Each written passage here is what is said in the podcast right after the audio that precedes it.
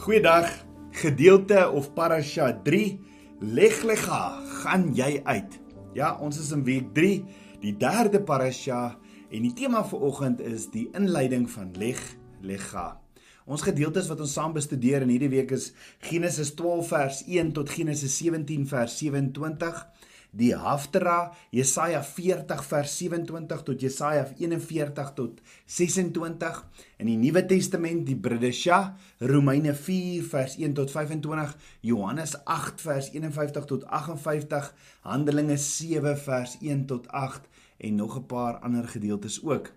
Die derde gedeelte van die Torah siklus word genoem die Parasha Leg Lega wat beteken gaan hier uit. In die eerste vers in hierdie week se gedeelte of parasha staan daar in Genesis 12 vers 1 en Jahweh het aan Abraham gesê: "Gaan jy uit jou land en uit jou familie en uit jou vader se huis na die land wat ek jou sal wys." So in die week se gedeelte word ons aan Abraham voorgestel en sien ons sy bedevaart in die strewe na Abba Vader. Die gedeelte in die Torah vir die week behels Genesis 12 vers 1 die oproep van Abraham vers 10 Abraham en Sarai in Egipte. Genesis 13 vers 1 Abraham en Lot skei paaie. Genesis 14 vers 1 Lot se gevangenskap en redding. Genesis 14 vers 17 Abraham geseënd deur Melchisedek. En Genesis 15 vers 1 Abba Vader se se verbond met Abraham. Genesis 16 vers 1 die geboorte van Ismael en Genesis 17 vers 1 die teken van die verbond. Die gedeelte in die Haftara vir die week wat saam bestudeer word of die profete wat eh, wat saam bestudeer word sien ons behels in Jesaja 40 vers 1 Abba Vader se volk word getroos. Ehm um, Jesaja 41 vers 1 kinders van Israel verseker van Abba Vader se hulp. Die gedeelte in die Bridesha, die Nuwe Testament vir die week wat ook saam bestudeer word, sien ons behels Romeine 4 vers 1 tot 25 Abraham is geregverdig deur die geloof. Johannes 8 vers 51 tot 58 groter as ons vader Abraham. Handelinge 7 vers 1 tot 8 trek uit jou land en uit jou familie en Galasiërs 3 vers 15 tot 18 Abraham se saad. So hierdie week se gedeelte uit Abba Vader se woord gaan oor die roeping van Abraham. Abraham en sy broerskind wie se paaie skei Abraham wat vir Lot verlos. Abba Vader se verbond aan Abraham, Sarai wat Hagar vir Abraham gee en Ismael wat gebore word. Abraham se naam wat verander en hierdie gebeur alles van Genesis 12 tot Genesis 17 vers 27 in Abraham se lewe vandat hy 75 jaar oud is tot en met hy 99 jaar oud is. So die volgende week bestudeer ons saam 24 jaar van Abraham, die vriend van Abba Vader se lewe. Let wel, ons sien ook in hierdie 24 jaar van Abraham se lewe hoe hy 5 ontmoetings met Abba Vader het. Hoe dit sy lewe verander en 'n hele paar lewenservarings plaasvind waarby ons so baie kan leer. Nou wie is Abraham? Abraham was die 10de geslag na Noag en 10 geslagte na die vloed sal ons sien is die wêreld weer sterk besig om hulle self en afgode te aanbid. Almal behalwe een man, Abraham, wie se naam in Hebreëus beteken verhewe Vader, verhewe Vader of the exalted one is my father. So waar kom Abraham vandaan? Om en by in die jaar 2000 na die 7 dae skepping 6 jaar voor die dood van Noag begin die woord ons te leer van 'n man wat Abba Vader se naam verhewe terwyl die wêreld afgodery en hulle self aanbid. Nou van Adam af tot en met Abraham se pa Terah of Terach leer ons dat die basiese beginsel van 'n verhouding met Abba Vader gaan oor die feit dat alhoewel ons sonde en oortredings ons skei of vervreem van Abba Vader niks van sy planne vir ons ooit verander nie en dat Abba Vader alles in sy vermoë doen om daardie verhouding met hom weer te herstel. Maar 'n verhouding met Abba Vader beteken dat jy sal verander en afgesonderd sal lewe volgens Abba Vader se voorskrifte. sy beginsels en sy prioriteite. Dis wanneer omstandighede dan om jou moeilik raak en verander wat jy weet jy staan jy jy staan in 'n lewende verhouding met 'n lewende God, Yahweh Elohim. Nou in Abraham se tyd was die stad Ur 'n belangrike ekonomiese stad. Maar in Ur het koning Ur Namu 'n belangrike en afgodstempel vir die aanbidding van die maangod gebou. Abraham het groot geword in hierdie soort afgodsaanbidding, maar nadat Abraham 'n ontmoeting met die Skepper van hemel en aarde gehad het, het hy hom met alles in hom gevolg onvoorwaardelik. Ek meen, kan jy vir een oomblik dink jy word groot in 'n moslimhuis? Sal jy soos Abraham ook 'n soeke hê na 'n lewende God en as jy hom ontmoet, alles los en hom alleen volg? Abraham het ontdek hy kan 'n lewende verhouding hê met Yahweh Elohim wat met hom praat, wat vir hom voorsien en wat hom beskerm. Met ander woorde, Abraham het Abba Vader se stem gehoor en gedoen presies wat hy sê en geloof soos Noag. Uit Noag se seun uh, uh, Gem, Shem is Abraham en sy nageslag gebore. Abraham het twee broers gehad, naamlik Nahor en Haran. Haran is oorlede voordat Abraham se pa Terah Ur verlaat het. Haran het 'n seun Lot en twee dogters, Milka en Ishka, agtergelaat. Milka het 'n seun gehad met die naam Bethel. Bethel was die pa van Laban waarna ons later sal kyk in Genesis 24. Maar Abraham se familie wat Er verlaat het, was sy pa Terag se vrou Sara, sy broer Nahor, Milka, Bethel, Lot en Ishka. Nahor het later met sy broer se dogter Milka getrou. Maar toe hulle in 'n plek kom waar hulle wou bly, toe vernoem hulle die plek na Abraham se oorlede broer Haran. En dis ook hier waar Abraham se pa oorlede is. Dit sien ons in Genesis 11 vers 32.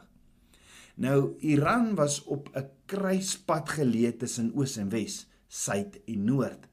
En so het Abraham by 'n kruispunt gekom in sy lewe, want sien, kruispaaie is deel van die lewe. Ons almal moes een of ander tyd in ons lewens 'n lewensveranderde besluit gemaak het, is dit nie? En is hier waar jy by 'n kruispunt in jou lewe kom en jy het nodig om die regte besluit te maak. Meeste van die kere as jy by so 'n kruispunt kom in jou lewe, is daar nie duidelike rigtingaanwysers of padaanwysers nie. Daar is geen borde wat wys as jy daardie kant toe gaan, is daar 'n afgrond of die pad loop dood nie. Jy sien soms as jy by so 'n kruispunt in jou lewe kom, druk die wêreld en omstandighede jou so om nou te besluit. Jy moet jy moet besluit nou. En dan word nie regtig tyd gegee om daaroor te bid nie, want die wêreld sê die aanbod staan net tot vanaand. Of as jy iets wil koop, sal die verkoopsagent ons vir jou sê, daar's reeds ander mense wat ook belangstel. So teken nou. En die keuse moet gemaak word want tyd staan nie stil nie. Met ander woorde, nou moet jy kies. En ons doen dit self soms in ons verhoudings met mekaar en met Abba Vader. As jy by hierdie kruispunt in jou lewe kom, sou dit nie net so maklik gewees het as daar 'n padkaart was wat vir jou presies wys wat jy moet doen nie. So kruispaaie is deel van die lewe en die vraag is, staan jy tans voor Abraham soos Abraham? Staan jy tans soos Abraham dalk by 'n kruispunt in jou lewe? Want sien Abraham en sy familie bly in Haran. En die volgende oomblik praat Abba met Abraham en sê in Genesis 12 vers 1 tot 2: "Gaan jy uit jou land en uit jou familie en uit jou vader se huis na die land wat ek jou sal gee. Ek sal wys en ek sal jou 'n groot nasie maak en ek sal jou seën en jou naam so groot maak dat jy 'n seën sal wees." Jy sien in 'n verhouding met Abba Vader praat ek en jy met hom. Ons ken hom in alles en hy praat ook met ons En as jy soos Abraham fyn luister na Abba Vader se stem, sal hy vir jou duidelike riglyne gee van wat jy moet doen. Want Abba Vader sê in Spreuke 3 vers 6: "Ken hom in al jou weë, dan sal hy jou paaie gelyk maak." So Abba Vader sê vir Abraham: "Gaan jy uit jou land wat in Hebreëus beteken leg lega." Leg lega bestaan uit twee letters: 'n lamet en 'n kaf in die Hebreëse alefbet. Die eerste letter lamet is 'n prentjie van 'n instrument soos 'n ring in 'n os se neus om 'n dier sekere gedrag te leer of om hom mee te lei. Kaf is 'n prentjie van 'n gevoude gevoude vlerke van 'n voël of 'n engel in sy afwaartse vlug. So sit jy hierdie twee prentjies bymekaar is die voorstelling dat jy letterlik aan jou neus gelei sal word om te beweeg in 'n rigting waarheen jy nie werklik weet waarheen nie maar onder die beskerming van 'n engel as jy in verhouding is met Abba Vader en as jy hom sal gehoorsaam in geloof. Met ander woorde, Abba Vader sê eintlik vir Abraham, ek sal in jou neus, ek sal jou neus uitlei. Dit kan ook beteken om met 'n staf te druk in 'n rigting in. Ek sal jou met 'n staf in 'n rigting indruk na 'n plek waar jy nie weet nie, maar waar jy lewe sal vind, maar weet my beskerming is met jou. En die vraag is, is dit nie die prentjie wat Abba Vader teken vir almal wat deel is van Abraham se saad en wat in verhouding is met Abba Vader nie? Want Paulus sê in Galasiërs 3 vers 29: As julle aan Christus behoort, dan is julle die nageslag van Abraham en volgens die belofte erfgename.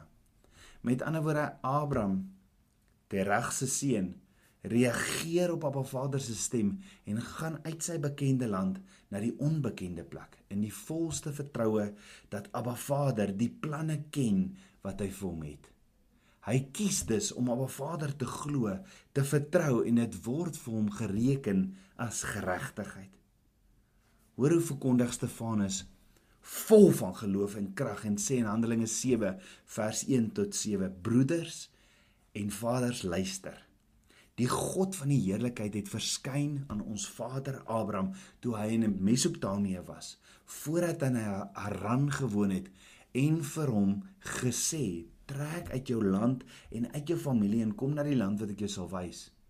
Toe het hy getrek uit die land van die Kaldeërs en in Haran gaan woon.